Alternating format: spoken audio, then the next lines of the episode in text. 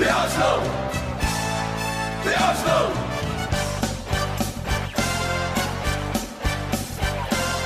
Good old Oslo, we're proud to say that name.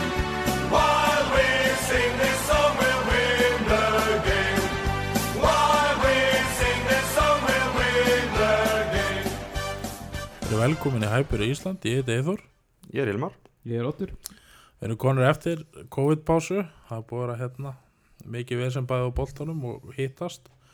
Og við ætlum svona að gera bara upp Arteta tíman ætlum ekkert að fara í Emri, hann er fór hann og við búin að tala nú um hann í vetur og ætlum svona að taka bara fyrir endin og tímanbúlum og hvað er í vændum. Hann byrja kannski á deildinni. Hann var með 20 leiki Arteta 9 sigrar, 6 jættefli og 5 töp og sem gera 33 stig og 1,65 stig að meða til leik. Þetta er svona, njeh, það er ekkert merkilegt svo sem, en samt mikla framfara á mínum mati. Já, samanlega Þetta er, þetta líka kannski skiptustóldi bara svona fyrir og eftir COVID hjá honum líka og, og na, þó svo þetta ekki byrjað byrjað vel með hana tveimu töpum strax eftir COVID gegn City og Brighton þá, þá fór maður strax að sjá, sjá ákveðin batamerki og maður fór að sjá svona hvað hvað það er sem hann vill. Og þú veist hann vill 100% bara keislu og eh, þú kemst ekkert upp með neitt kæftæði uh, við erum búin að sjá tvo leikmenn sem hafa fallir svolítið hjá honum. Uh, eitt sem að byrjaði og spila þessa fyrstu tvo leiki Gwendouzi Já. en svo Ösil og maður er búin að reyna að rýna svolítið í þetta Ösilmál hann er náttúrulega eini sem vildi ekki taka á þessu launaleikun og hann er ekkert búin að spila síðan. Veist, það áttu allir að taka á sig launuleikun í COVID. Hann tók hann ekki á sig. Þú veist, er þetta, þetta, þetta kannski bara eitthvað frá stjórninni að Ösil fekk ekki að spila Já, síðan var ég líka að lesa skrýtna grein í dag óvart að hérna muni hann að dæmi í Kína þegar hann talaði eitthvað um kommenta á eitthvað hérna, eitthvað hriðverki í Kína eitthvað, að þá hefur hérna tekið það bassanlega Kína bara droppað alveg þannig að það ég held að sé svona margs svona að því að hann er orðin svo pólitískur út af Erdungan mm -hmm. Að þú vilt ekkert hafa svona fótboltamann að því að það er ekki svo Erdungan sé eitthvað ljúlingur Nei. og veist, ég held að þetta sé svona marskon ástar og hann er löngu orðin sattur finnst mér, hann er, er e- ekki dræf í hann lengur til að Þeir eru að hætta hver og, hver og fætur öðrum hérna 2014 Deutschland liðið bara í kringu 30 það er bara, eru bara búin að ná sínum topp einhvern veginn. Já, Sjurli hætti núna 29 ára. Mm -hmm. Lam, hann er löngu hættin og hann er samt bara 36 ára Já, það var annar um daginn, ég mann ekki hvað hann heitir framherri já, Mertisakar er 36 sko, þetta er ekki þetta er ekki styrlaðar aldur á mönnunum nei, nei. Nei, en þeir virðast og sjáum bara svo mann er svo götsi sem að held að er því næstu össil, hann er bara sattur líka Mhm. og hann er 28 ára Mhm. þannig að þetta er svona mjög sérstakt en mér finnst þetta svo össil svona hann ennir sér ekki alveg sko, en þetta er samt öðru sem finnst mér að þennan Emri hendunum, það var bara eitthvað persónlegt fannst mann oft. Já. og Emri hafði ekkert einhvern veginn svona hvað ég að segja bóls í að hendunum rétti að gera þetta. En Arteta bara gerir það og það er ekkert kjáft að í gangi. Nei, en, en hann alltaf tekur hann strax inn í liði fyrir COVID sko. hann alltaf er búin að vera fyrir utan liði hjá MRA og, og Lundberg svona einhvern veginn, jú, hann fekk að koma inn á en svo var hann bara eiginlega fyrsti maður á skýslu þegar Arteta kemur. Svo kemur COVID og það var allt búið. Og líka eins og er samt fyrir góð þá var náttúrulega Sókrates að spila. Já, hann hefur ekkert spilað þá var líka Guðun Dúsi þessi betur fyrr, það var bara svona þessi breytalegur bjargaði tíumbil nokkað hans myndi aldrei að losna við hann. Að því að það er svo mikið vandamál sem fylgjónum þú töpun tvö til Brighton og hann er með ykkur að stæla þá. Þú veist, Já, þetta er svo, er svo kjánar og ef það er rétt að sem maður les þú veist að hann hafi verið að monta sig af launum og aðra leikmenn þú veist, þá má hann bara já og, Á- við sta og við starfsfólku í kolni eitthvað þannig að þú veist, við þurfum ekkert á að halda. Alveg, alveg sama átt að hann sé bara ungur og efnilegur og getur kannski orðið frábær þú veist bara, við höfum ekkert við svona engin lið hafa við svona karakter að gera. Að þú veist, það er einn og einn svona sérstakir karakterar sem að ná langt en þú veist, það er samt svona over the top karakterar eins og Slatan sko, veist, en hann er ekki þar að vera Slatan þessi gutti sko. Nei, Michael Jordan er Guðun Dúsi er alls ekki þar og mér finnst þetta með sko Villok betri á mörgu leiti en hún skortir þetta sjálfstöð sem Guðun Dúsi hefur kannski, hann hefur náttúrulega alveg sturla sjálfstöðust en þetta er náttúrulega ekki hægt að vera með svona stæla inn á vellinum bara, og allt þetta líður þetta ekki sjá líka þess að Mæland Næls hann bara hlustar og þegir og setur höfu undir svo vinnur og hann er komin í byrjanlið og bara er mjög góður. Já, og, og spilar hérna eh, tvo mikilvægastu leikina á tímabilinu byrjunliðinu, undanúsliti byggar og úrsliti byggar. og með að sérstaklega þessu undanústalegnum í bygganum og þar sko nýtt hann að hann var réttfættur og við losum pressuna alltaf inn á miðju í staðan fyrir að lendi í vesen upp í hodnum alltaf. Mhm. þannig að þetta var svona mikil hugsun á baku að fá hann inn en eftir brætuleikin þá náttúrulega hættu við að spila með fjóramanna línu af því að við erum ekki með einn miðverð sem getur það eiginlega er mitt mat, mér finnst enginn að góður í fjóramanna línu Nei. og förum í þrjá fjóra þrjá sem er held í neyð ég held að hann vilji alls ekki spila þetta leikjöru næsta tíðanbíl Nei, hann, hann svona með hvernig hann byrjaði þá stræka hann ekki svona eins og 3-4-3 þjálfari, sko. Hann, þannig að ég held að vilji fara í fjóra þrjá þrjá alltaf eins og Pep og Barcelona náttúrulega Mhm. alinu upp í því. Og hérna Nei, ég er svona býst við því að við fáum rétt af mennina ef við sjáum það líka að við getum spilað þetta þrjá fjóra þrjá eða 5 fjórir 1 eða hvað við kallum þetta í stóruleikjunum við unnum Liverpool City og Chelsea Já. og Manchester United með þessu kerfi. Þannig að það er fínt að eiga þetta í bakhundina því að Lewis er frábær í þessu kerfi og Holding bara er þokkalegur í þessu kerfi og Mustafi en þeir getur enginn af neitt í fjórumannalínu ekki neitt. Nei. og náttúrulega Týrni var síðan eiginlega besti maður fannst mér svona eftir COVID þegar hann kom inn loksins Einmitt. Það- Hann og, og Martínez. já og hérna sem kemur að bara fínt við erum með tvo góða markmiði það er ekki skeð síðan já ég veit það ekki eins og Sko, það- var bara gert í Það er alltaf, alltaf gott að vera með markmenn og, og, og varamarkmenn sem geta stíð upp eins og þegar manningir koma á, á svonum tíma. Og það er náttúrulega tímabil þar, þar sem við vinnum dildina en það segir kannski svolítið mikið um vörninn á miðjun okkar að sko, báðir markmenninir okkar voru alveg líklegir til að verða leikmenn tímabilsins. Og Martin spilaði hvað síðustu tólleikina ef hann náði því sko. Og gleymist líka finnst mér oft hvað Leno var að verja í hérna Já. Emri Vittlesin og byrjun í Arteta og Ljúmberg hann var að verja kannski 15 bolta í leik líka Mhm. við sko Síman var að fá sér sko, 15 skot á tímabili Já, og séðan sjáum líka munið þegar Martínus kemur inn og hann þétti vörnina, hann alltaf Leno meiðist í breytáleiknum -hmm.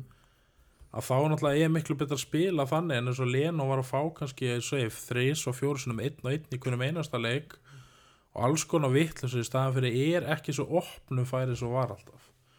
Sjá bara munin að sitt í núna í hérna undanúslutin þeir skapa sér alltaf færið þannig. Já.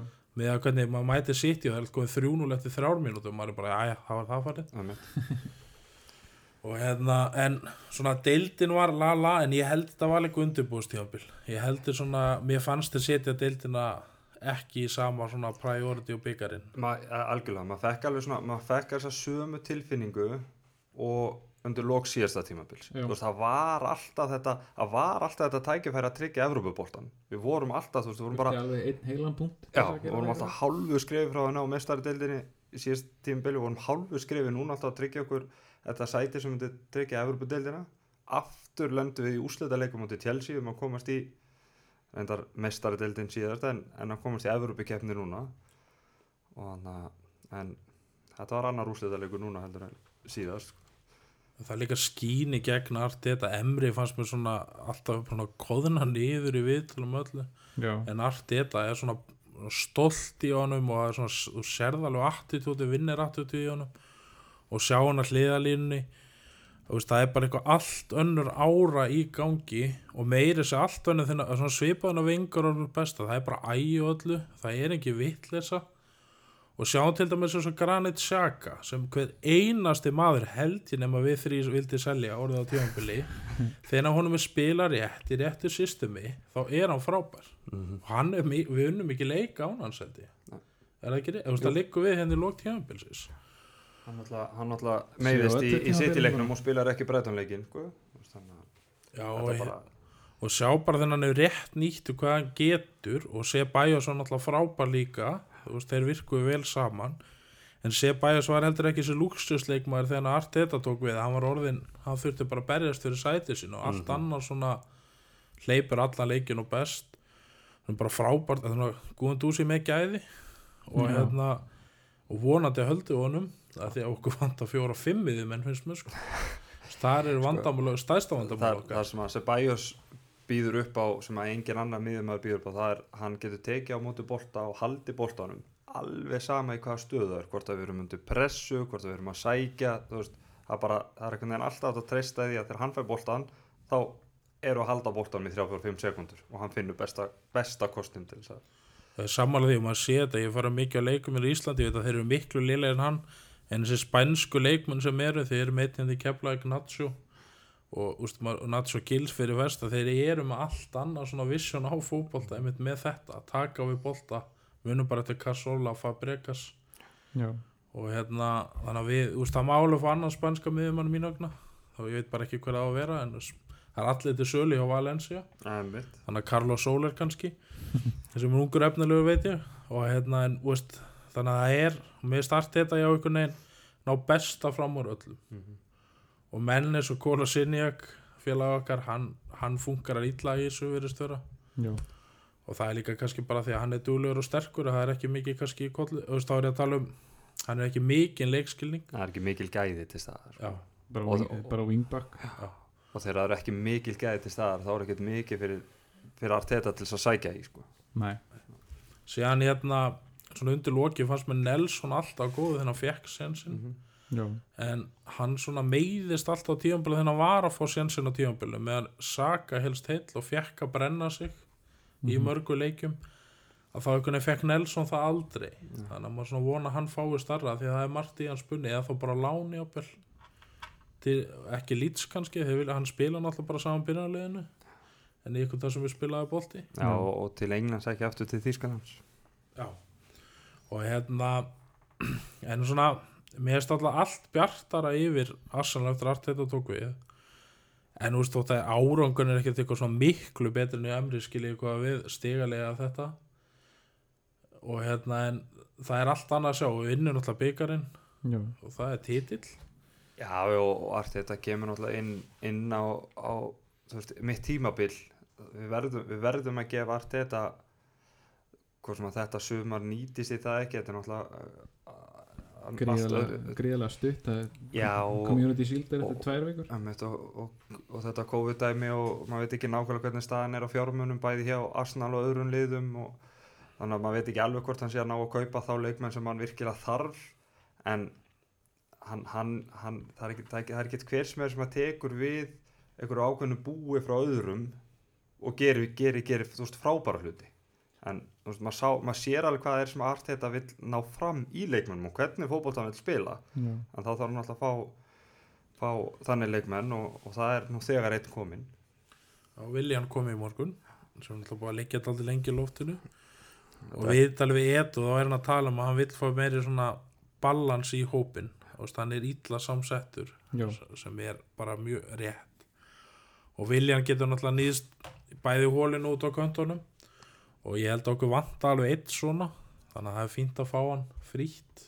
Mhm, og hann, hann er líka, sko, við erum með eins og þú varst að nefna við erum með Saka við erum með Nelson, við erum með Willock þetta eru allt ungir efnilegi leikmenn sem þurfa að hafa reynslu mikið leikmann hlið til Já. þess að, að þeir, þeim sé leið beint og að þeir læri af svona leikmenn. Þú veist, það eru allir, allir leikmenn sem að hafa komið upp í gegnum úlingastarfið á Arsenal þú veist, þeir eru all, allir talað um þú veist, að, að það var svo dýrmætt að hafa leikmenn eins og Patrik Vieira, Dennis Bergam Tony Adams, þú veist, þessa kalla þeir og þeir voru komnir yfir 30 þú veist, til þess að leiðbenna og hjálpa aðstofar já, og hérna er bara frábært að fá hann og fá líka bara nýja leikmann strax inn í hópin uh, síðan alltaf eins og ég nefndi á hann með Sebæjas vonum maður innilega að gangi upp en það er eitthvað eitthvað ströggla með vera en síðan allar ekkert að nota hann þannig að maður vonar að það gangi upp já, en maður skilur svo sem hann líka þú veist, hann er, það bullandi sjálfstörust í honum og hann er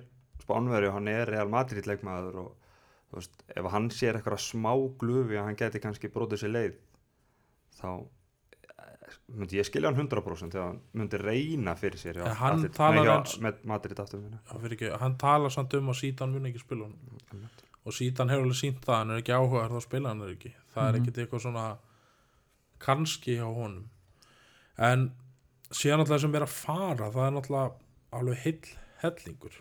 Það er náttúrulega Guðun Dúsi fer. Kóla Sinjag finnst mér líklegur. Ég veginn finnst allt þetta ekkit allt á hrifin á hann Mustafi verða áfram, hann er náttúrulega mittur við erum ekki að fara að selja hann mittan og hann er ekki tilbúin að finna desember kannski. Mm. Össul verður áfram, hann er búin að gefa það út. Nefn að klúbunum kaupa hann út en úst, ég veit ekki alveg er ekki alveg skott á að hafa hann, ég veit það ekki er, er ekki bara að fara að þetta semja við fótbollamenn bara eins og sami við aðra það er bara tveggja til þryggja mánu nei, eins til þryggja mánu uppsagnarfrestur það er bara, þú veist, það eru hér með segja samlinginu upp og fara laun í þrjá mánuði þú ræður hvort þú mætur æfingu eða ekki en þú ert ekki að að spila það er samt Búið. helviti hart eða Pepe myndi gera það núna þetta er að borga 80 miljonum punda fyrir já, hann. nei, Ég já, skil ég. og alveg rétt að þetta má náttúrulega aldrei vera bara einhlega sko. en Sókratis ver er, ég veist, hann verðist ekki vera neitt inn í hart þetta því að holding og komin undan honum Já. Mm. Chambers vantanlega farin líka Chambers veist, með, en það er náttúrulega meðslinn er þetta að selja hann holding, ég held að hann verði áfram ég er ekkit viss um að þið geti losa alla í einu Já, það er líka ekki tólt að, þú veist, eh, eitt af því sem að ég gerði mjög mikið grína tóttunum á sínum tíma var að þeir, þú veist, hvert einasta sömar, þá seldur tíu leikmenn og keftu tíu leikmenn. Þú verður, bursið frá því hvort að leikmenn eins og Holding, Chambers, Mustafi séu, þú veist, góðir eða nóg góðir fyrir Arsenal, þeir eru samt, þú veist, þeir eru með ákveðin kjarna, ég ætla ekki að segja þessu með, komnið með Arsenal DNA, en þú veist, bara svona, þeir, þeir eru búin að lifa í þessu Arsenal umhverfi og munu hjálpa öðrum leikmönnum þegar þeir koma. Þú veist, þannig að þú veist við getum ekki losa okkur við allt og fengið allt nýtt þá, bara, þá er Arsenal ekkert að vera til staðar. Nei, en ég er svona líka bara þurfum að hafa skotplayers ég er alveg samlega því en ég er bara hvernig fjölmennan eru núna. Uh, Torreira er náttúrulega bara háar í orðunum um hann vill fara. Mm og ég veist, hann er ekkit að fungera vel. Nei, njá, hann, hann, hann var ekkert að brillera þetta tímabil sko. er ekki hægt að kassa bara út á honum? Já, Jú, það ég- voruð mjög hávært sko, það er að minga náttúrulega þessi partei orðurómur og, og Diawara er að hækka hjá Róma veist, og sumari verður svona þú veist, að, þú veist, Arsenal á eftir að stíga svolítið á bremsuna og kaupa 50 miljón konar leikmenn og frekar þú veist, eitthvað svona skiptidíla Já. og það verður bara í ég almennt sem alltaf mætla að Niles er orðaði burt frá félaginu en ég einhvern veginn hef litla að trúa, ég vona ekki hann taki alltaf eitt tímabúli viðbútt mm -hmm. laga sett er svona virðist vera 50-50 en ég er ekkit svo spenntur að losna við hann svo sem. En það fenn alltaf líka eftir Abumeyang samningnum og allt þetta. Já. og ef það kemur góðu skiptidil sem henda liðinu betur þá held ég að hann fari. Já, já, og sérstaklega ef það er eitthvað skiptidíla að yngja upp um 5 ár eitthvað svolega sko þá, þá, þá, þá er það alltaf mjög líklegt. Og Mikki Tarjan er farin til Róma og verður það næsta tímabil. Mm þannig að við þurfum ekki að ágjöra honum. En En- þá er mitt sko en er það fleiri sem er, er, er ég að gleyma ykkur það er náttúrulega spurning með Martínez hann getur náttúrulega sett ákveðna kröfur núna þú veist. Ég, ég ætla sko ég ætla að vona að vera áfram og ég ætla bara vona að hann bara starti nummer eitt. En hvernig hérna, mun hann standa sig þegar hann er með 30.000 manns að öskra fyrir öftan sig? Hann er náttúrulega alveg algjörlega laus við það það er rétt. Þetta getur verið einn af þessum gæjum sem var bara að blómstra í þessu MD Arena umhverfi. Mm hann sko til dæmis er svo líka upp þá dutti út fyrir Leopold út á Martínez hann átti öll fimm mörkin mm sem dæmi. Og reddingleikurinn hann, hann var í fimmleikurinn. þá líka. Uh, sko þannig að ég er ekkit mér finnst Leno betri og Leno var okkar eiginlega besti maður hann var með meðslónum var það já en og Martínez hefur vissulega stegið upp en í einhvern veginn að ég veit ekki, maður hefur svo oft séð þetta með þessa markmið tvö, þeir eiga svona rönn sem koma þessi aðal og þeir gjössanlega bara, úst, þetta er hræðilegt. Já já það svo er, við skrimsli hann sem þriða markmann sko, hann er 2.50 eða eitthvað, Macy já og hann hefur, ég held að Leno byrju sko því að hann er líka betri í fótónum og allt þetta svart þetta vil spila. Martínez er samt ekkert lélur í fótónum en Martínez er tölvöld betri í fyrirgjöfun en Arteta. Leno. Nei, leir nú alltaf að segja. Er, Og ég, líka Arteta reyndar sko. Ég myndi ekki vilja hafa Arteta í marki Þú getur glemt því sko. En ég held að Leno byrja og mér finnst það persónulega betri en Martínez er búin að vera frábæra en ég skil það líka bara vel að menn eru á þeirri línu sko. Þú voru að gleyma hann að aukarspinninu sem hann skoraði hann á móti Villa Það er boltinn hreyðist ekki í Nei, lóttinu ég er ekki búin að gleyma henni. 40 metra kveikindi þú veist, þetta er veist, ég held að hann reyna að fara í fjórumanna línu ef hann getur keift réttin en við erum búin að fá tvo viljan mm þess að brasilísk og séðan frakkan. Og hérna hann er miðverður hann er náttúrulega ungur og er orður á mér að við erum að kaupa hérna frá Lil Gabriel. Mangales og hann virkar mjög spennandi. Og síðan er Sar, er hann ekki nýs held ég, ef maður rétt. Franskur örfættur hérna miðverður líka orðaði við okkur og þannig að það er líklegt annað hvort þeirra komi. Mhm. og síðan er þessi Coutinho orðrúmur ég held að, held að hann sé ekki réttur sko og ef við erum búin að fá viljan hvað er alltaf að hafa Coutinho Einmitt. Ég sá líka Það er mér- bara þessi spörs Það er ekki bara. Jú, Mér var- mér var bent á ágætis heatmap yfir svona sko fyrirlinni á Coutinho og fyrirlinni á Viljan og þá sá maður bara, þú veist, yfirferðin á Viljan er, er eitthvað sem að maður ímynda sér strax ok, þetta er það sem Arteta er að leita. Coutinho, hann er ekkert mikið að fara aftur fyrir miðju og sækja boltan og verjast, sko, það er bara Nei, þú veist, hvað erum við þá að fara að gera? Er Abameyang að fara úr liðinu eða upp á topp og allar að fórna Pepe til að koma Coutinho inn? Nei, ég einmitt, það, já, ég nei, ég, ég, er, ég er alveg sama. Ég, ég er, er, sko þetta var annarkvor þeirra og ég, úst, þá getur alveg saldið ösili. Ég held að það er ekki það mikill munur á þeim tömmu því að Coutinho er ekkit geta síðust ár heldur. Eitthvað þannig. Já, ef, ef, ef, ef maður geti keipt hann eða fengið að lána hann fyrir viss og maður myndi vita að maður myndi fá Liverpool Coutinho þá er það náttúrulega allt annað sko. en þú veist, það eru hvað þrjú, fjóra ár síðan hann var til staðar. Mhm. það er ekki eins og sko hann sé ennþá til. Ég sé að blekkjótt svona leikmenn líka sem skora bara fallemörk Já, þú veist að þegar maður heldur að það séu alveg styrlaður sko. Mm en hann er náttúrulega viss- vissulega góður en ég held að hann sé ekki að koma. Og síðan alltaf bara Thomas Partey, ég einhvern veginn sé það ekki gerast, ég held að við höfum ekki mikið fjármagn eins og við erum búin að tala um. En En það- ég, þetta er klárlega eitthvað sem hann þú veist, það sem hann er að skoða núna er miðvörður og svo defensive midfielder. Þú veist, það er bara það verðist að vera búin að leysa þetta kreatív með þá og það, Já, það sé bara lausnin þar. Ég held það. Og ég er með hennar tölfræði fyrir frá mig sko, því að náttúrulega hann er búin að spila svolítið mikið út á vangi á Chelsea. Jú, en þú veist, ef ég les bara það er náttúrulega aldrei skemmtilegt að hlusta okkur á tölur sko, en, en á right wing, þú veist, þá er hann búin að spila 175 leiki 24 mörg, 36 stóðsendingar left wing er hann búin að spila 139 leiki það er hann með 20 mörg og 43 stóðsendingar en sem attacking midfielder það eru 106 leikir 30 mörg og 21 stóðsending þannig að þú veist, tölfræðan hans er best sem attacking midfielder. Og hann að og ég, ég var nú ekki mikið að fylgjast með Chelsea í þetta tímabil en datt svolítið inn á bara því að ég var svolítið hrifin á boltan með Frank Lampard. Og viljan á þessu tímabili var allt annar en á síðustu tveim, þremur þú veist að því að hann var, er búin að vera í svolítið aukalhutverki á Chelsea þegar Ethan Hazard var því Ethan Hazard fekk alltaf boltan og það fótt alltaf fyrir gegnum hann. Mm viljan steig bara upp og núna fór allt í gegnum hann. Komin, í- treyjun hans. Já, lang, lang, einmitt, langbesta tímabilið hans fyrir Chelsea var núna. Og það er ekkert að því að hann var eitthvað að leitast að komast í burtu eða fá betri samning kannski að eitthvað leiti en hann var bara miklu meir inn í spilinu af því að það var engin nýtan hasall lengur til staðar hjá Chelsea líka bara léttir þegar maður sá liðin fyrir Já, já. hann var bara með hann upp í stúku einmitt. þá vissum maður að við værum að fara að taka þessu á dollu Já, líka þá var ljóst að hann var að fara hann sem hann spilað já, það er bara Arsenal sem spila mönnum sem eru að fara. Mm, já. en það er líka smá ræðum hann leikmann sem við fengið á Chelsea það hefur ekkert verið gull náma Nei, og hérna en þú veist, þetta verðist vera vel skátt og náttúrulega Edu var með hann í brasilíska landsliðinu þegar hann var yfir þar. Þannig að þetta er ekki bara einhvað en síðan náttúrulega okkur vanta með um að Ceballos plus einn í það minnst það hann er bara málið sko, þú veist, maður var einhvern veginn bara búin að gera ráð fyrir að Ceballos myndi vera en náttúrulega ef hann verður ekki þá þurfum við pluss einn alltaf.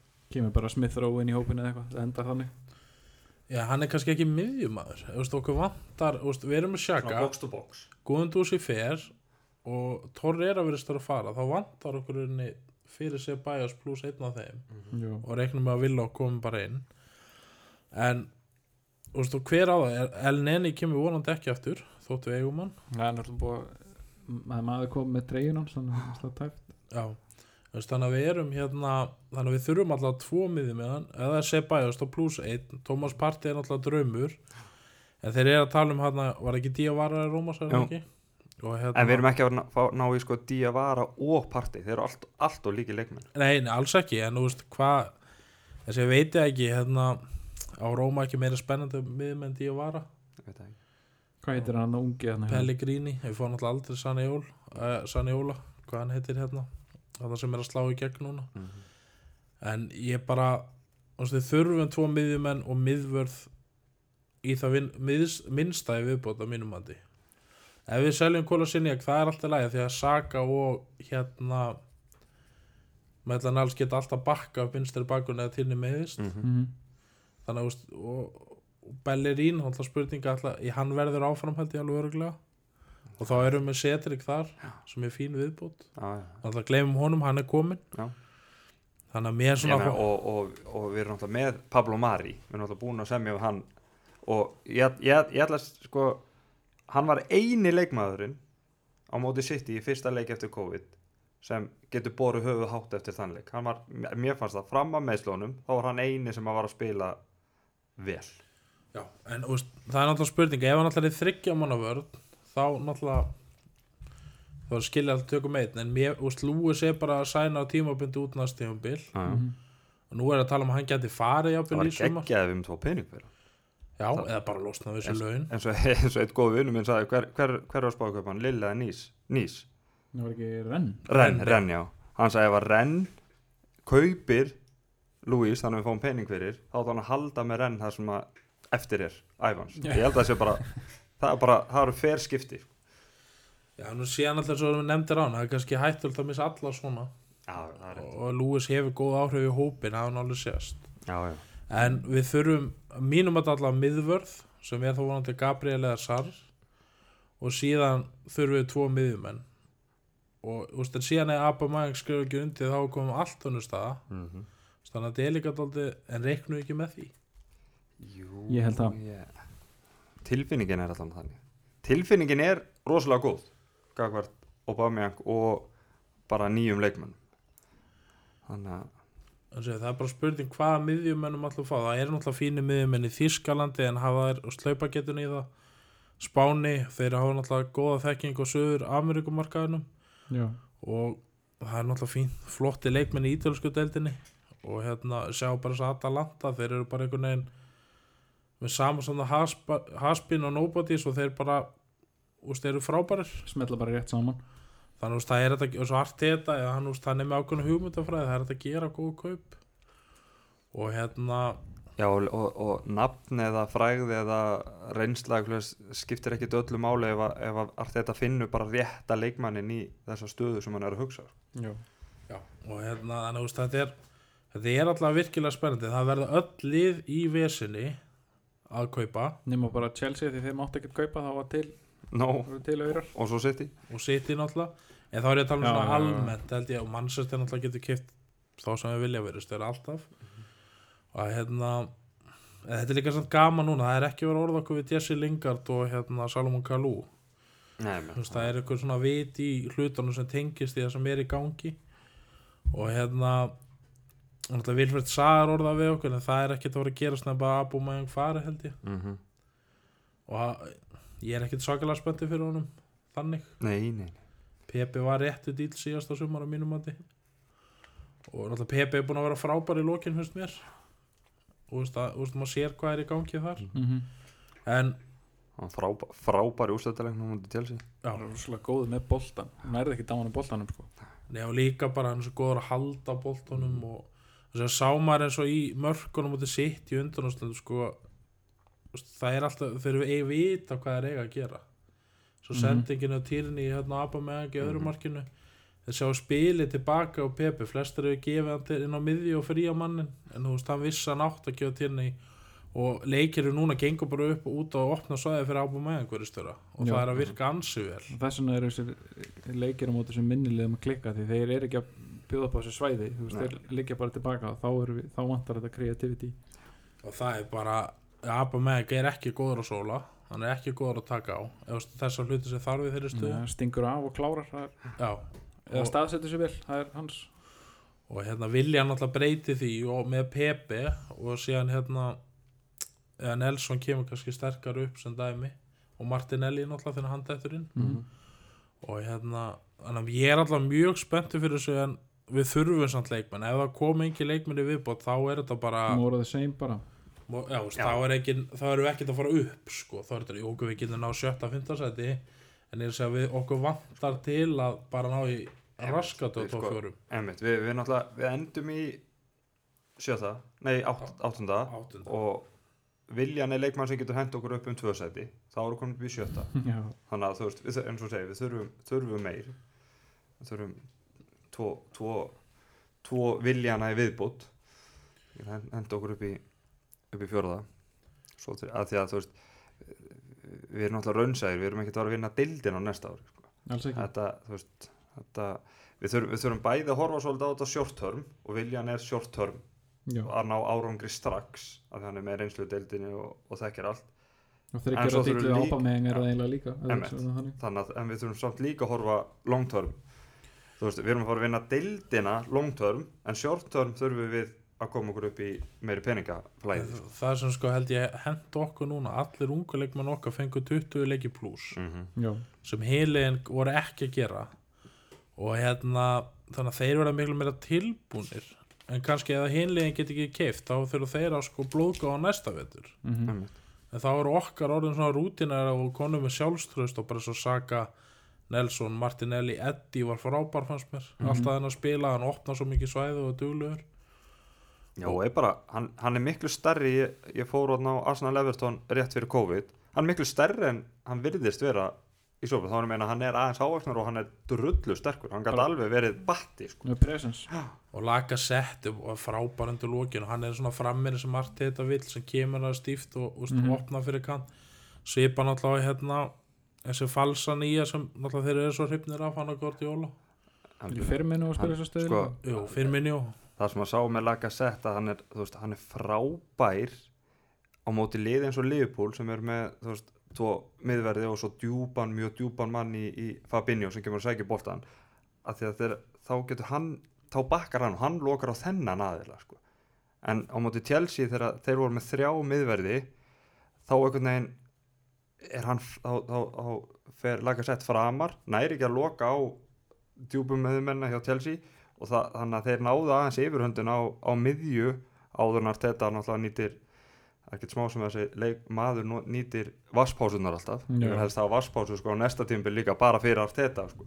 Þannig að Lacazette er alveg með marga jákvæða punta en en þeir eru svolítið svona þú veist, mér finnst Lacazette ekki nýtast þegar það eru þrý miðverir en þegar það eru tveir miðverir þá myndi ég ekki velja neitt annan til að vera på toppi ásnæðan en Lacazette vantar, vantar, allir það, vantar alltaf þetta tappin í hann. Hann skora, alltaf að reyna að skora geggjumur, hefnast stundum en síðan er náttúrulega einn orðramur eins og með Rakitic frá Barcelona sem eru fyrir transfer. Mm -hmm.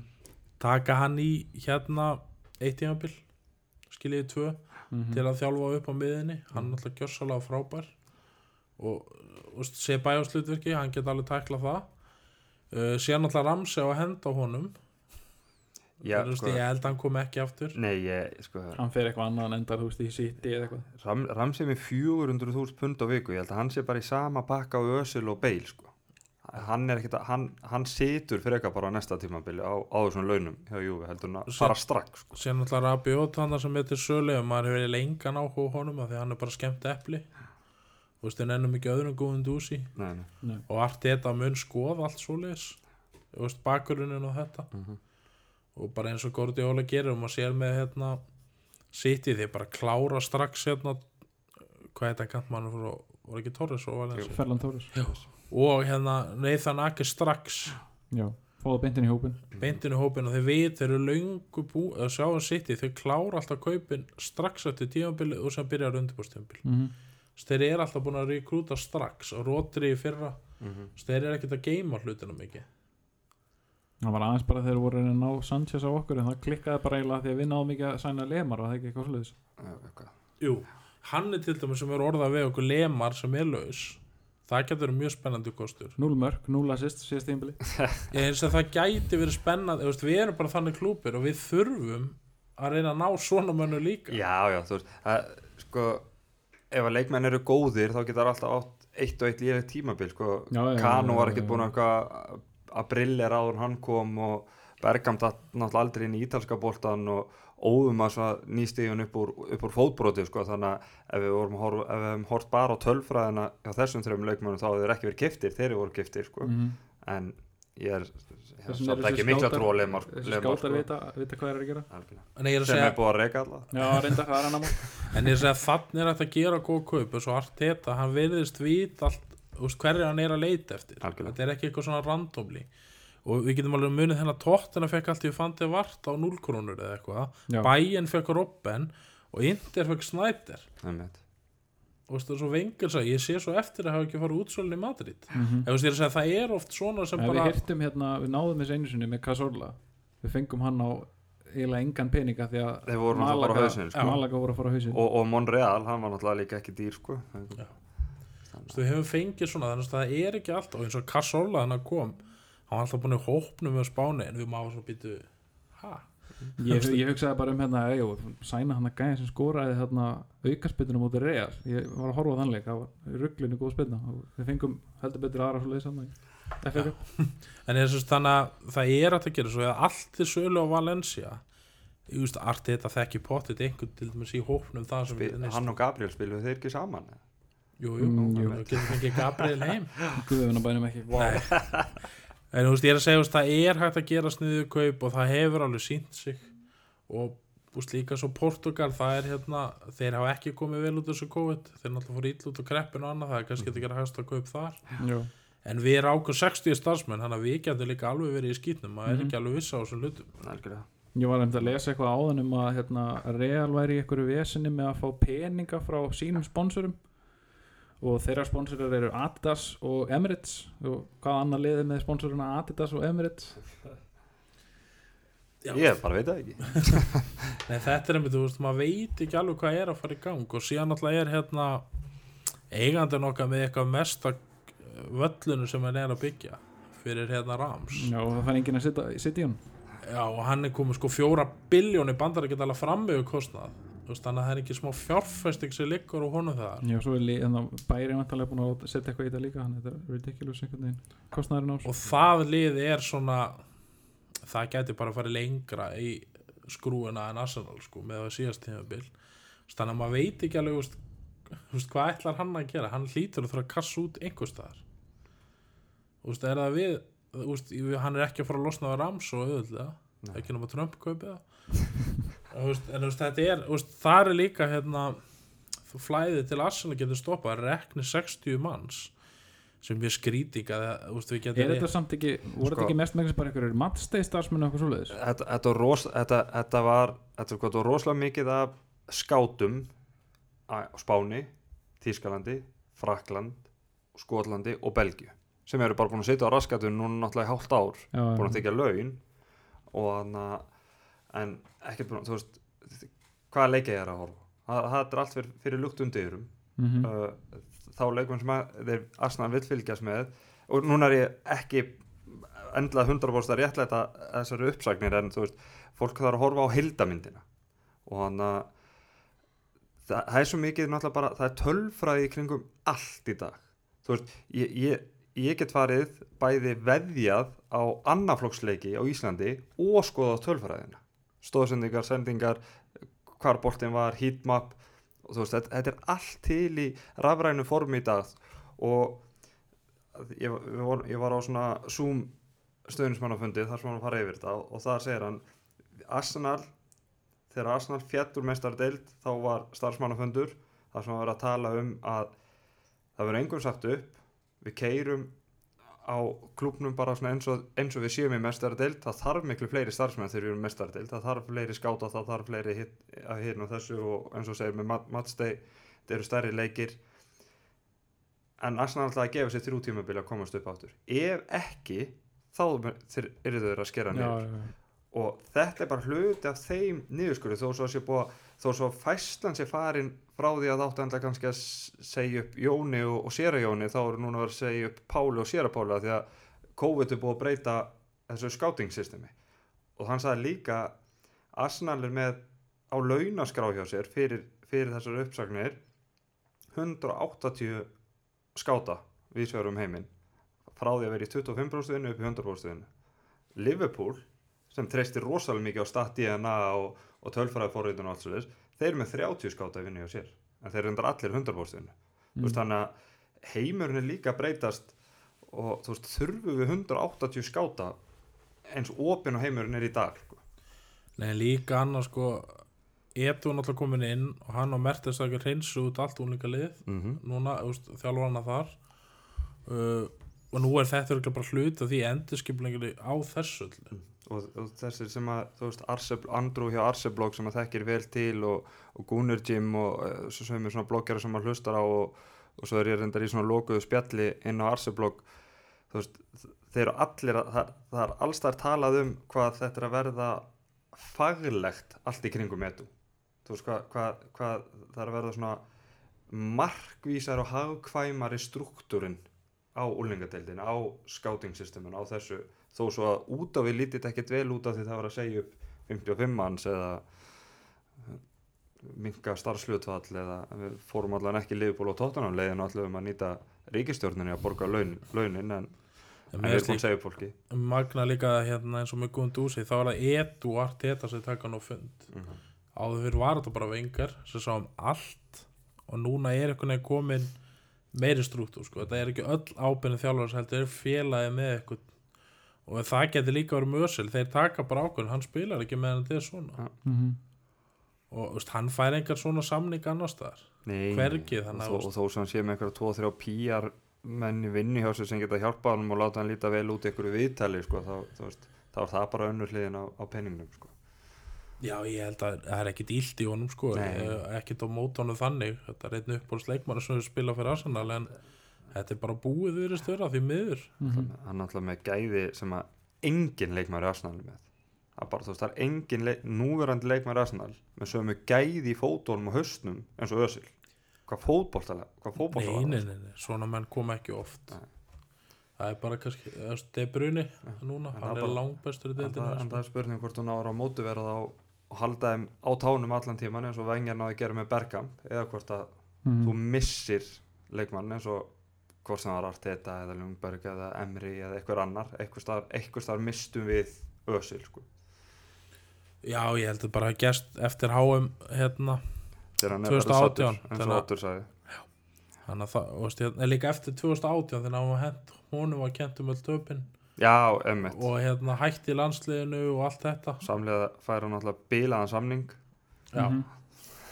og sjáum bara svo Alice Sanchez, hann er farin veist, hann er bara búinn. Mm sem var okkar, já, þeir tveir heldur upp liðinu. Já, við kannski sakna hvers annars líka enn á velli Það getur verið. og hérna, hann er með Asli Jóng hérna. Já, já. þessari indir, hann er hann með blómstra.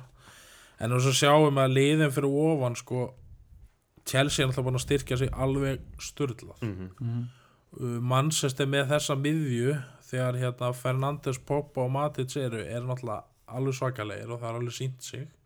Þá eru talað bara í deildinni. Já, já.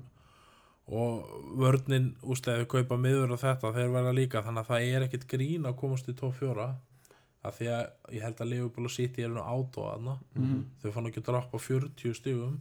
Nei, Og og og, og, sitt ég náttúrulega bara að sína núna sko að þetta var bara eitthvað það var bara eitthvað flúk það sem gerðist upp á stímabil sko Tapa, hvað tapar? Nýju leiki? Þú veist, en fótboltinn sem hann er búin að sína fyrir utan undanúrstöðuleikinu mot okkur en það var bara búin að brilja það er að því að Arteta vissi allt um það. Já, já. Það var aldrei augljóst þar. Spilar ekki betur en anstæðingur leifir sko, og það, það, það, við síndum það sko. við leifðum ekkert að komast upp með neitt. En þú veist þannig að þetta er bjart en þú veist það er svakalega langt í veist, en við gætu vissulega alveg verið á samastáman sem styr það það er, veist, það er einhvern veginn óró í kringu liðið samt og margir óstöðuir Já, en ég held að veist, við verðum framar tóttinam að því að bara Morinni og þetta er bara brunarústir og sáum bara hvernig þeir voru. Mm og margir þreyttir hann og þannig að ég einhvern veginn við eigum að vera held í top 6 en eins og ef við fáum þessu 2-3 kaupi viðbót þá erum við alveg gætu við slýsast í fjóðarsæti -hmm. og eða unna júri lík af því að náttúrulega við unnu núna byggakefnina Mhm. þú veist við gætum alveg náð þannig rönnu og erum með breiðan hóp af því ungustrákunar okkar eru góðir Mhm. þannig að veist, það eru miklu möguleikar og en við þurfum þá að gera eitthvað á leikmannamarkaðan Þú veist, til að styrkja þessar stóðir til að geta tekið næsta skref en við höfum alltaf farið finnst með tíu skref aftur frá síðastu sumar. Mér finnst liðið bara veist, að því að þá vorum við nærri konni mestarlega með einu stíi Emme, úsliti Júralík og keiftum, manni fannst þetta góð kaup síðastu sumar. Já, jú, við keiftum Pepe, Tirinni, Lewis og maður var bara, wow, þetta er geggja Við tókum einmitt upp fyrsta þáttin en það er svo um byggingu við erum núna, við erum svona ekki í visitor byggingunum núna. Og það bara, þú veist, ég ætla nú ekki að segja að við höfum verið að taka liðbúla át og heldum að verðum að verða meistarar en við töluðum örgulega allir þrýr um það, Otto var ekki þá en Kristján var, Já. að meistaradildasæti var nánast bara gefið. Alltaf vera lás. Og manni fannst það líka, við keiftum vel og þetta lúkkaði vel eins og náttúrulega bara verður algjört meltán í öllu. Og nýtt leikjari við konu leik og eins og það var. Þannig að núna finnst mér að hafa verið tíu skur aftur. Og veistu, hvernig ætlaðu að komast aftur þarna, það er það sem þarf að gerast í sumar. Og hérna en ég einhvern veginn er miklu meiri trúa sem er allt þetta, ég einhvern veginn þóri ekki að segja nætt fyrir ég sé hvað við kaupum og hvernig úst hópinu verður. Jú. hann verður eins þá er ég ekkert þá verður þetta bara svona Já, svipað. Se- Seymold og, og náttúrulega líka hvernig hópanir verða í kringum okkur eins og segir sko, Chelsea þeir voru þeir, ég rættu við Chelsea. þú veist, að þeir sé að fara fara nær að þeir sé að fara nær Leifbúl og City Við þurfum heldur við erum að komast að þeim skilur þurfum að styrkja vörðina sína þeir fyrir að- sko heila varnalínu og markmanni viðbútt Jep. með úst, vissilega búin að kaupa Werner og allt það en ég sá hann líka há um 2018 sko. Og hérna en veist þeir eru náttúrulega búin að gera geggjaða hluti og Pulisic er náttúrulega búin að stíga svakalu mhm, þannig að þeir eru með skemmtilegt lið quality en þeir þurfa heila varnalínu og markmann. Og það er ekkit auðvelt að finna markmann eins og við höfum alveg bara mhm, það er á tíu ára fresti sem kemur markmaður. Já. og hérna og sjá bara svo Manchester United þeir sitja upp með dýrasta markmann í heimi. Og þeir myndi öruglega vilja skipta honum held ég. Mhm. þótt mér veist ekki deka eða lélugur en þannig að það er bara spurning við erum allavega, við erum að styrkja bara þessu segi, miðjun á vörðuna, við erum ekki alveg að kaupa alveg nýtlið, við erum með góða bakverði. Mhm. við erum með góða sóknar menn markmenn eru í góðum málum. Markmenni, úst, þannig að við erum með svona góða stóður og ungu leikmenn okkar eru virkilega góðir. Mhm, þannig að við erum kannski ekki eins og segir þurfa að kaupa tíu leikmenn en við þurfum að hreins út og fá nokkra nýja inn og þétt og hópin algjörlega. Og hérna, þannig að spurning bara úst, það er erfitt að spá ykkur núna því að það getur sér bara komið lockdown eftir viku og ah, tímanbili frestast um mánu mhm. en mér sýnist þeir hafa nú fundið lausnina. Það var komið þarna schedule það er að segja, þeir virðast en líka hvernig við framkvæmdi þetta? Þetta gekk vel. Mhm, og hérna eins Þískaland gekk mjög vel og hérna þetta venst ágætlega á náðurenda þetta er bara fótbolti. Þú veist, maður, við erum Íslendingar, við erum vanir að horfa á fótbolta svona. Mhm. Já, reyndar. Fimm tíman að hópa hérna í stúku Ríslast upp kulda. Já, og við sjá bara hvernig Daninni gerði þau byrja að hleypa hægt og bítandi inn áhöröndum og danska deildin á mjög skemmtilega það sem ég sá alla. En það er bara vonandi að hérna að segja, við getum keft nokkra leikmenn og það held ég að við verðum bara í mjög góðum málum Ég, ég get allan að sagt að, að sko struktúrun er til staðar það er búið að samþykja hvernig hvernig mun byrja að hleypa inn leikmönum og þú veist hvað verður leifilegt og í hversu, hvernig skrefin verða en þetta er náttúrulega bara ræðist allt á ríkistjórninu sko. en Mhm. það er alveg búið, það er búið að fara yfir veist, það var að vera að fara yfir á þessum Zoom-fundi sem ég var á með Arsenal þú veist, hvernig verður notuð þú veist, annarkvært turnstyle og annarkvært sæti og svoleiðis. Og þannig að þú veist, struktúrn er, hann er til þetta er bara spurningum sko hvenær ríkistjórnin hleyp, hleypur hleypur svo stað og, og hversu margir fá að fara inn í einu hvort að fyrst álu verið 5.000 og svo 10 eða hvernig er það, vita það náttúrulega ekkert en, en það, er, það er sem sagt deildin er búin að, deildin og liðin vita hvernig vilja er ekki líka geta rek, þú veist vilja rekja sætin og eitthvað svona þannig að þetta er spurning hvort þetta verði bara season með að hafa inn fyrst. Já, og, og, og þannig eins og Grímur eins og- líka Já, eins og- þú varst í þessu sæti og út frá þér gerðist kannski þetta og þá getum við treysað það, og, eitthvað svona og, þannig. og Emirates er náttúrulega með sko, er 60.000 manna völlu með 38.000 ásmið að hafa sko. þannig, að- Já, já, þannig að svo, svo er það annar hausverkur sem það kemur náttúrulega ennsku deildin ekkert við heldur Arsenal sko, ef, ef það verður 5.000 mönnum hleypt inn sko, hvaða 5.000 menn er þetta sem fá bara á það er Leikina, alltaf sko. dreigið örugglega. að mjög, mjög líklega verður dreigið eða, og, og dreigið þannig að þú veist, þessi 5.000 sem er búið að draga þeir verða ekki í pottunum næst sko, og svo bara þetta, þetta er inn svona í þetta var svona rullu, rulluform sko. En þetta er, segja, það er búið alveg að gefa skinn með hverju er búin að fá númer, hverju verða eins og hérna er ekki Saliba, sem að það ekki Jú. Jú. eins og hann, hann er komið fjarkan Mhm. hann er bara að hugsa sem í kringuliðið mm -hmm.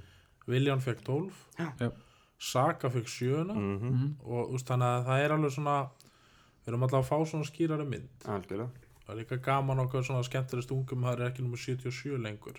Heldur þannig konið söluvænt númer. Emmett en og það hérna en Er það þetta er hérna inni í treyju mert sjö saga. Já, ég, það er á, ekki ég. ég á líka Saka 77 en Já, ég held að það sé hérna þetta er eitthvað svona akademíu hérna Stafrósra Stafur já, það er Já. þannig sko. Þannig að ég hérna en ef ég myndi henni panta mig nýða þá sé ég að fá mig tilnið samt ég hérna dýrkan velgirtur, blótandi Mhm, alla leikir mhm. mjög grófur. Mm það er með Tesco bókan alveg kláran eftir leik. Já, veist, það er bara eitthvað við hann sko, og spurðir hefur séð London, nei. Ég er að æfa. Þannig að er, hann er svona daldið öðru sér sem okkur hefur vantað. Roadman. Og mér finnst ótrúld að við höfum fengið hann af því að vantar öllum vinstur baki. Emmett bara og hérna, 25 miljón punda, það er ekki neitt. Mm og með að setrik líka koma virkilega vel inn. Þetta er frábært af þessa tvo hæri bakurði mm -hmm. sérstaklega ef við fáum hann frýtt þannig að ég held svona heilt yfir eru eins og með Pablo Mari við höfum gert nokkuð vel á þess að fólk hafa tekið eftir. Já, veist, við veginn farið alltaf undir mið, og alltaf að vinna byggarinn er bara frábært að allir vilja skipta við okkur sko. Nei, veist, nema alltaf maður hefur viljað spóra Leopold en þú veist, það sér bara eins og Pochettino, hann er bara rekin af því að hann vann ekki byggar Mm -hmm. En Arteta er búin að slá þetta úr höndunum og sjá bara klopp, þetta var bara að setjast á sálina honum, hann gæti alltaf klára byggar Er þetta ekki líka að þú tekur svona 10 ára kapla þá er það fjóra dollur. Það er held ég næst besta strík Tottenham ever að ná því. Þannig að veist þetta á að vera eitthvað já það er miklu betri. Og what you have to show for it skilur við. Einhverju guldskór hjá leikmannum sem verða seldir Áti, áti byggarinn og þeir, þeir, og þeir halda áti byggarinn áfram. Já, Já, Við erum nú Emirates sko þrjú hóri Nei, ég er að segja, þetta er líka málið að hérna við unnubíkan, hann er búin að tikka þar inn Mhm. heldur sigur hefðin áfram. Já, og þetta teimi virka mjög flott. Og hérna stjálfara teimið allt. Steve Round, Hollendíkurinn og Ljúmberg -hmm. Og markmannstjálfara sem við stálum frá Brentford. Já. og við náðum að halda hérna lækninum, hann var á leiðinni til Liverpool. Leopold, Já. og hérna þannig að ég er alltaf mjög bjassinn og mér heyrist þar svona flestum assalumönn að þeir eru bjassinnir Mhm. og hérna svona hæfilega bjart sinni held ég. Svona reserved. Já, ég er að tala um að svona, ég er ekki að tala um að við erum að fara að vinna titil, heldur meira emri um að hugsa út í, það var ákveð vonlið sem var svona vona Já, þú veist, er við, svona- við erum að fara að horfa Náttúrulega allan á Arsenal fótbolta og jafnvel skemmtilegan fótbolta og, og, og svona, þú veist sama, sama leikjærfi leik eftir leik og þú veist, þannig að þannig Þú- bjart. þú getur svona gert allavega tilrönd til að skrifa byrjunarlið áður en sér það, þú gast það ekki með Emery sko. Nei, glemdi því. Nei, þú veist, allt í komið tígul miðja og maður bara ekki sé það og þetta var alltaf eitthvað svona. Mm. og menn teknir út af í hálfleik og endalust en hérna þannig að já, við, en svo sést þú þart inn að búa mann þegar þú ert búin að hafa mann svo lengi. Manchester er að gera það, já, Arsenal er að gera það. Juventus. Real, það er Já. allir að reyna þetta núna. Að taka bara inn að búa mann. Þekki klúbin Já. Mhm. og hérna þannig að þetta verður alltaf spennandi tífambil og vonandi að helst það er að segja tvær vikur í góðgerðarskjöldin. Og því ég hafa ekki tögar í annan leifubúleik svona snemma. Nei, nei. Vik, Vika í að liðið komið saman aftur Byrja að æfa. Já, maður sér það á Instagram þegar allir konir til London. Eða þess að maður, er að þeir þurftu fóla líka að flýta sér að því að það er að koma nýjar hérna kvantænreglur í Englandi Mátt, sko. mátt ekki, veist, þeir sem voru í Fraklandi þurfa að koma sér heim og þess aftar ég meina það er ekkert mál fyrir Rob Holding að bara chartera flugvel en kannski einhver sem er í fríi þarna þar bara skrambul hérna koma sér. Já, að þetta verður hérna fróðlegt en er svona í lokin, er ykkur falliðinu sem myndi vilja fá í liðið ykkar? Í liðið Ryan Fraser? Nei. Nei, bara úr fallið ánum þrem, þá erum við talað bara Norvits Ismail Azar Já. Það er Bormoth og hérna ég veit Watford. ekki. Að vona að hann fái jólakort frá klubnum SAR fyrir að hafa bjargað þarna undir fítildrekordina því ég sé ekki Leopold tapaður um leika þeir hefðu haldið þeim. Nei ég, þú veist, ég er búin að þú veist, að það eru til dæmis Watford þessi miðjumenn en þeir eru samt enginn á nógu góðu finnst mér. Nei. og hérna um, Villa hefði mátt falla. Ég meina, það, það, er að- það er að kosta Arsenal að eiga allan kannski sjens á Jack Grealish að hafa left Villa að vinna 6-0 ég held að það er karakter sem Arteta myndi ekki snerta. Nei, ef þú veist, þá er ég að tala um bara hvernig hann er hann er líka 25 ára og er ennþá í Aston Villa það lítur að vera ástæða. Með þessa hæfileika skilji en alltaf Eik hefur verið fínni hann alltaf farin til City. Mm -hmm. en það er ekkit meira þarna sem ég Watford er nei. með Sar með Josh King hann í taka hann. Minn- Nei, ég held, að, ég, held, ég held að við getum left þeim bara eiga sig. Þessa, þessa leikmenn sem eru fallinir hvað okkur var þar en, en svona því að við erum að fara að slúta þessu þá vil ég bara minna á að sagt, Ars- Arsenal klubburinn er, er farin að stað fyrir komandi tímabil og, og við erum búin að gera eh, búin að búa til alla gírosæðla fólk ætti að vera koma með þetta í heimabankan og það átti að vera búið að taka eftir við erum búin að lækka félagsgjöldin úr 2800 niður í 2000 krónur. En, og það er náttúrulega bara út af ástandinu og, og, og þetta verður náttúrulega stór skríti tímabil veist, við veitum ekkert mm hvenær við getum byrjað aðstofa með miðamál og það verður engin hópverð og, að- en, en það, það verður varningur. Og, og við tökum það ekkert af, af félagsmönnum að við munum áfram gefa varning þó svo að félagsgjaldið sé orðið þetta, þetta ódýrt núna. Og þá getum við líka gert eitthvað haldið pubquiz og eitthvað og ah, já, og gert alls konar bara meira hérna activity. Og hérna við vinnum að vera mun þjættar í vetur af því að svona við erum komið núna með reynsluna? Reynsluna og aðeins búin að skip og hérna nýja menn kom inn líka og munum fá gesti og erum að vera að fjárfesti meiri búnaði. Mm -hmm. Mhm. þannig að við svona, við tökum alla þátt fyrir samfélagsgjöldin, þá ætti að vera komin kaupin og þetta. Algjörlega. Og hérna og síðan reynum við náttúrulega bara að gera vikulega eftir landsleikja hlifum og svona. Mm og hérna, en annars held ég að vera ekki lengra í dag, ég segi bara takk fyrir. Takk fyrir. Takk fyrir. mig